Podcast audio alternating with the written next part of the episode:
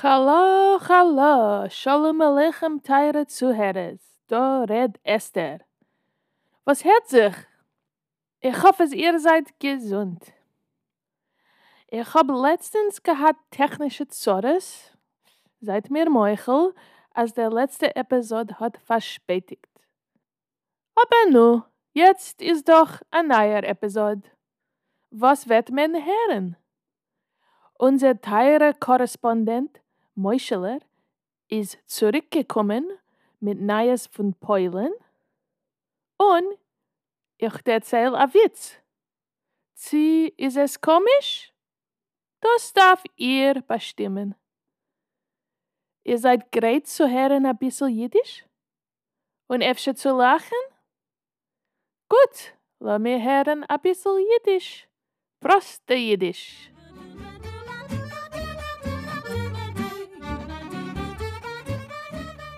Shalom Aleichem, teure Freien. Das bin ich noch einmal, Moischele. Heint will ich erzählen ein bisschen wegen die zwei Chadoshim, was ich hab verbracht in Polen. Ich hab gewohnt in ein Airbnb in Warsche, in einer Gegend, was heißt Moranov. Moranov ist gewähnt die jüdische Gegend vor der Zweiten Weltmilchome. Mein erster Eindruck von Warsche ist gewesen, als Warsche ist sehr eine schöne Stadt.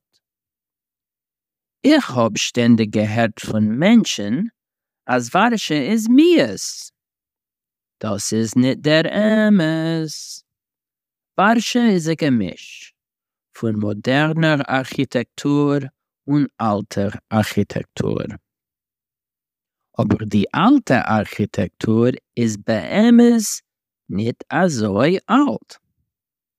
85 Prozent von Warsche ist zerstört geworden in der Zweiten Weltmilchome.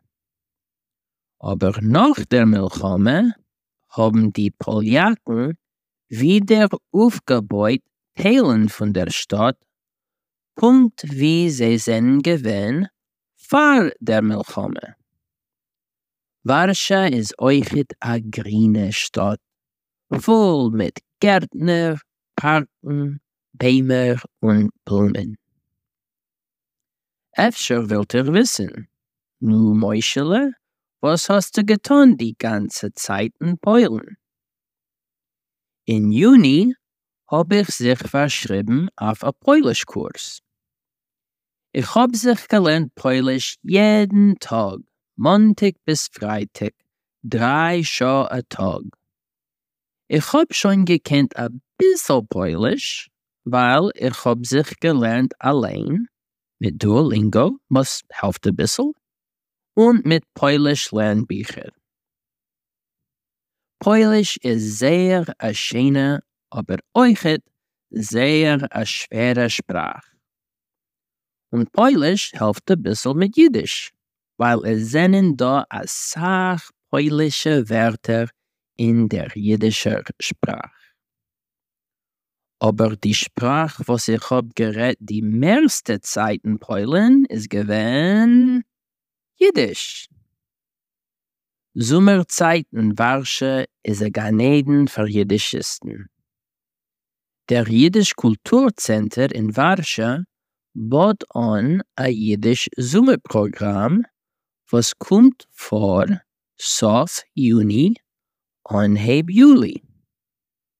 Jiddischisten von über der ganzen Welt kommen kein Warsche und kimat jeden Tag haben wir sich getroffen und geschmust auf Jiddisch. Es ist gewesen sehr schön zu sein mit so viel Jiddisch-Reders. Und was hab ich getan im Juni? Das will ich euch erzählen in noch einer Episode von Proste Jiddisch. Seid gesund!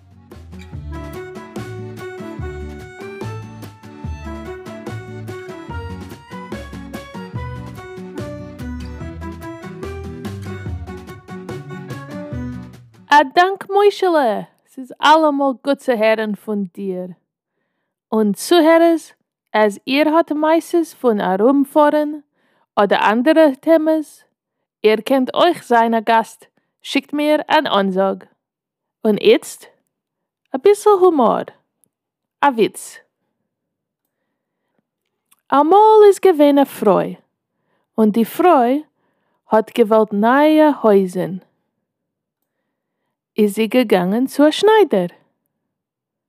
Sie hat mitgebracht sehr feine Stoff und sie hat bestellt die neue Häusen. Hat der Schneider gesagt, gut, das ist sehr feines Material. Ich will euch aufnehmen ein paar schöne Häusen. Kommt zurück in einer Woche herum. Eine Woche geht vorbei und die Frau geht zurück zum Schneider. Die Häusen seien nicht great. Sagt der Schneider, kommt zurück in einer Woche herum. Die Häusen wollen sein gar schön. Kommt die Frau zurück mit der Woche später. Nicht da kein Häusen. Noch einmal dieselbe Meister. Kommt zurück in einer Woche herum sagt der Schneider. Sechs Wochen gehen vorbei, also. Kommt die Frau zurück und die Häusen seien sofkal sof great. Die Frau messt sie an und die Häusen seien perfekt. Sie passen also gut. Tacke, prächtige Häusen. Es kommt die Zeit zu bezahlen und die Frau kann sich nicht halten. Sie muss etwas sagen. Sagt sie dem Schneider, Weißt was? Gott hat nur bedarf, sechs Tage zu schaffen die ganze Welt. Und ihr? Ihr hat gedacht sechs Wochen auf ein paar Häusen. Ha, sagt der Schneider, aber Gitte guck auf die Häusen und Gitte guck auf der Welt.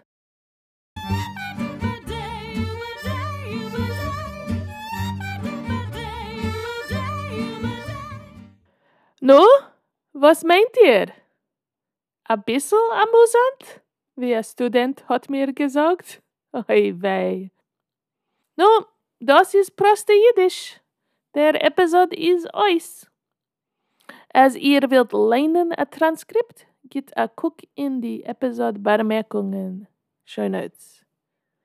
A Dank Moischele und a Dank alle, was haben mir geschickt a Rekodierung wegen sehr beliebster Lieder für der spezielle Programm, was kommt vor. Es bleibt nur a bissel Zeit, als ihr wilt mir etwas schicken.